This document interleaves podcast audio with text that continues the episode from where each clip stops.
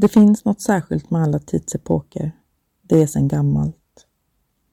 Om årtiondena efter andra världskrigets slut brukar förknippas med någon sorts uppbyggnad och framgång förknippas 90-talet istället med dess brytpunkt, en sönderfallets tid.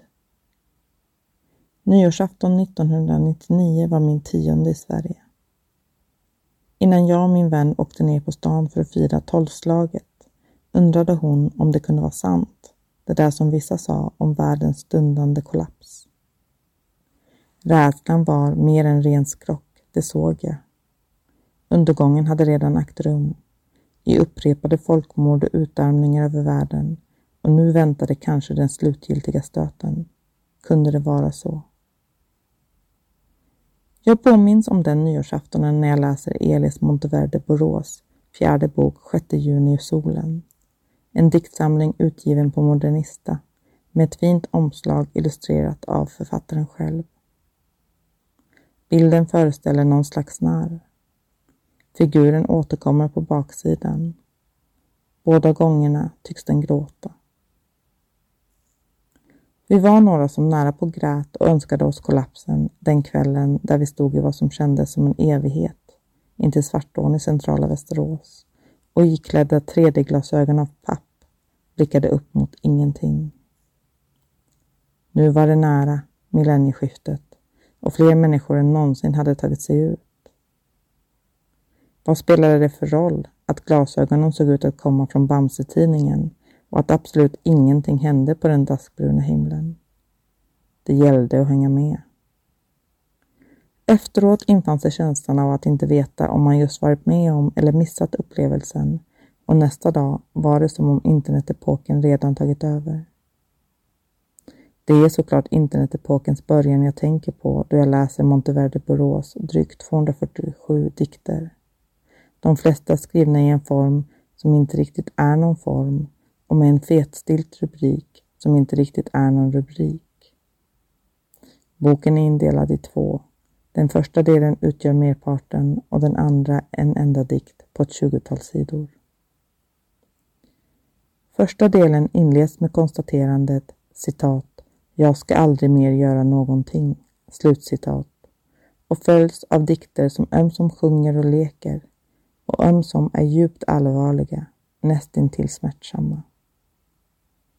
Centrala för denna första del är frågor om vad handling och görande kan innebära och vad som, till skillnad från ingenting, kan sägas vara någonting. Att Monteverde Borå är en djupt begåvad, skicklig och formmedveten författare som med lätthet kan ta sig an både prosa och poesi råder det ingen tvekan om. Det här verket tycks främst vara intresserat av det som stör eller bryter med denna formmedvetenhet och vad man som läsare förväntar sig av ett narrativ. Det är inte stöpandet utan omstöpandet verket vill visa fram. Inte det unika, storslagna eller ens vedertagna, utan det prövande, lite triviala som det vill förhålla sig till. I mötet med det här diktjaget väcks mina nyårsaftonsminnen till liv det vet jag nu helt säkert. Kanske har det att göra med att jag läser boken som ett exempel på hur sökandet efter ett, inom citationstecken, autentiskt eller eget jag kan se ut i vår tid, 2000-talet, där var och en av oss tycks nära en redaktör eller förläggare inuti. Någon som väger och ordnar allt vi tänker och formulerar gentemot hur väl det skulle kunna göra sig publicerat på internet eller i en bok. Men vad mer kan skrivandet göra? Annat än att redigeras vackert inför en eventuell publicering. Vad mer kan läsandet av det vackert redigerade och publicerade göra? Annat än att väcka gillande. Och vad kan skrivandet och läsandet gemensamt göra för att bereda motstånd mot den attraktiva publicerbarheten? Kan de vara ett grus i maskineriet kanske? kan maskineriet till och med tas sönder med hjälp av verktygen som en dag byggde det. Jag föreställer mig att det 6 juni och solen i grunden undersöker är hur ett lågintensivt motstånd mot det publicerbara skrivandet kan se ut och att undersökningen görs med hjälp av så många knep som möjligt. Här finns dikter som motsäger sig själva från en rad till en annan och de som direkt kommenterar skrivandet och läsandet som akt. Här finns rim, intertextualitet och stöld och också stycken där raderad text återuppstår och hädanefter alltid hemsöker dikten. Citat. Länge sedan jag rullades i en kulvert återkommer alltid till maskoten eller människan inuti. Återkommer alltid till maskoten, människan inuti, som kräks genom maskotens ögon eftersom det mesta handlar om övertydlig geografi och ögonhöjd, raderad text och maskeringsförbud och skottpengar och matlådor. Slutcitat. Så vad är det här för en plats och diktjag som läsaren möter? Om det är möjligt att med lite äckelblandad förtjusning planera i sin egen hjärnas stad är det just vad diktjaget i sjätte juni och solen bjuder med läsaren att göra. Till slut går vi där jämsides, den ena inuti sig själv och läsaren helt intill. Att det är en stad och inte landsbygd eller ödemark vi vandrar i vet jag då dikterna är befriade från så gott som alla referenser till icke-urban omgivning eller symbolik. Också det urbana som sådant ägnas mycket lite uppmärksamhet, men det finns där. Det händer att ett butiksfönster reser sig för jaget att spegla sig i och att tunnelbanetåget är värt att nämna. Jag känner mig genuint välkommen till denna järnstad där dikterna vare sig till språk eller placering vill leka svårare än vad de är. Men till vandringen tillkommer några villkor. Det förstår jag snart.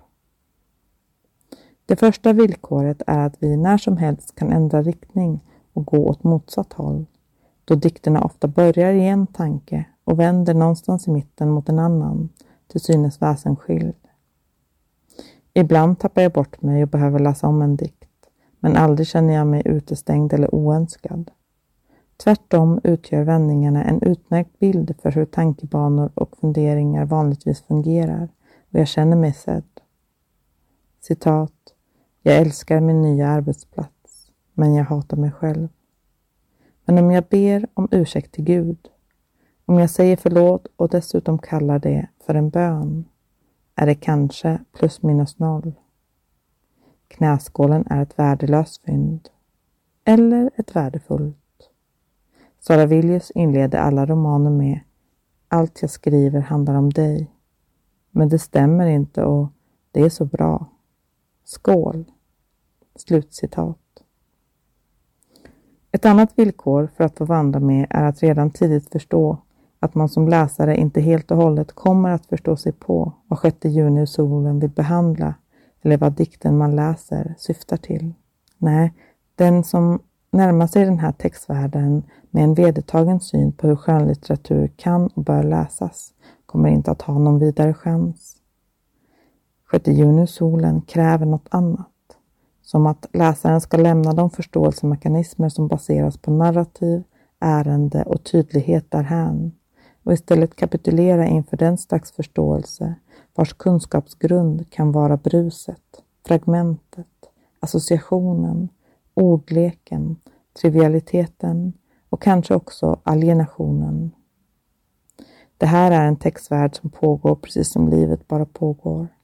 Men till skillnad från livet, som för det mesta ändå är organiserat kring sådant som morgonstress och kvällströtthet, organiserar sig den här texten kring tankens ström och hur den är outtömlig och aldrig sovande.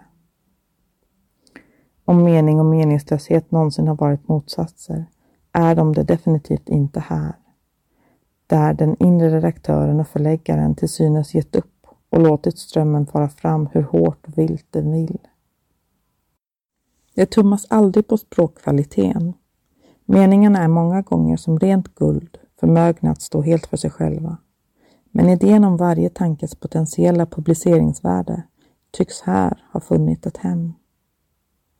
En förtvivlat vacker dikt om jaget som vill äta sig in i matchen. Självklart ska den med. En anekdot om att med munnen stava fel till Helmersson. Också den ska med.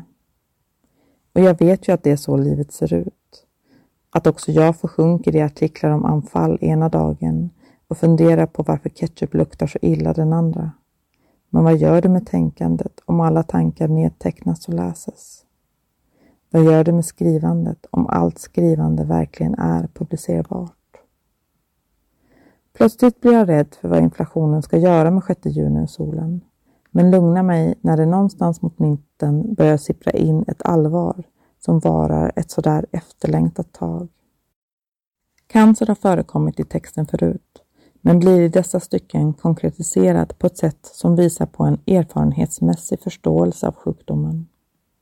Jag tänker på den där förståelsen och vad den gör med händerna som skriver. I sjätte juni-solen gör den dikterna både säkrare och mer förtvivlade. Mer självklara i sin form och samtidigt i högre grad medvetna om sin tillkomst. Citat. Att dö i sviter. Man gör alltid det. I sviterna går vi av. Har jag redan skrivit att man dör i sviter? Den här knäcker mig. Slutcitat. Villkoret jag har svårast för att acceptera är att som läsare inte få vila ifrån denna järnstad och detta cogito ergo sum, jag, fångat i genomlysandet av sig själv. Texten är ett tom på vardagliga situationer eller andra göranden som kan prägla ett människoliv, vilket är synd och något jag saknar.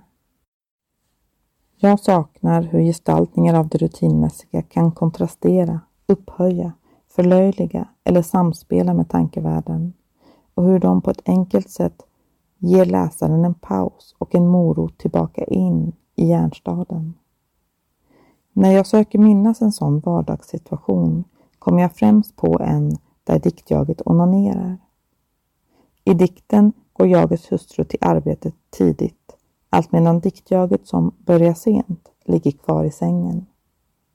När hustrun efter en tid återvänder ligger diktjaget alltjämt kvar och har alltså antingen utfört sitt arbete från sängen eller inte utfört det alls. Nej, det är inte det jaget gör i form av den och den kroppsliga vardagliga handlingen som definierar det. Det är tänkandet och skrivandet, redigerandet och eventuellt också publicerandet. Kroppar har cystor i magen och tuschkors i pannan. De äter och går och runkar och dör. Men tanken den lever. Tanken bara fortsätter att växa och svälla och till slut också överleva oss alla. Det vet vi redan. Citat. Min fru ringer och säger att hon ska radera mitt konstnärliga eftermäle. Jag säger att jag tror att hon använde eftermäle fel. Och sen säger jag att jag älskar henne och att jag hatar henne och att hon får radera hur mycket hon vill när jag är död. Men jag antar att hon fegade ut eftersom du läser det här. Slutcitat. I Den arabiska apokalypsen skriver den libanesisk-amerikanska författaren och konstnären Etel Adnan om solen som vore den precis allt och ingenting. Solen är livgivaren och döden, hjulet och hålet. Den är röd och grön och blå och vit och skiner lika lysande över lik som över blommor, över krossade ben som över en rest flagga. Har du lagt märke till hur vackert väder det är i avrättningsvideorna från Syrien? frågade min vän en gång. Eller hur solen bara står där stor och tyst och ser på. I 6 juni och solen fungerar Sveriges nationaldag och solen lite på samma sätt. Som vore de allt och inget eller som dimridåer som verket tar till då det tror att det plötsligt ska avkrävas en röd tråd eller hållpunkter. Solen ägnas ett par egna längre dikter och nationaldagen också, men ingen av dem blir den där röda tråden som jag inte heller söker. Det jag istället söker är ett fönster ut mot någonting annat och det hittar jag i dikten som utgör andra delen. Skriven helt i versaler påminner mig formen genast om Yahya Hassan och jag blir förtjust över hur väl det lite skrikande och hårda fungerar med det prövande och omstöpande. Det är som om varje tanke blir mer akut och något jagar genom järngångarna. Som om en lek plötsligt blivit blodigt allvar och som det fortsatt, utåt sett, ser ut som en lek. Den här andra delens långa och uppbrutna dikt är också mer situerad, exempelvis i Berlin och i mötet med människor som beskrivs med annat än bara namn. Och jag önskar att fler dikter som denna kunde bryta upp och störa den första delen, jaga upp den och ge den ytterligare djup.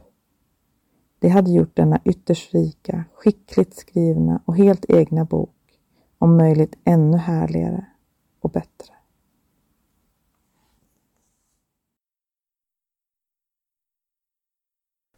Den här recensionen är originalpublicerad på www.ornenochkrakan.se under ansvarigt utgivarskap.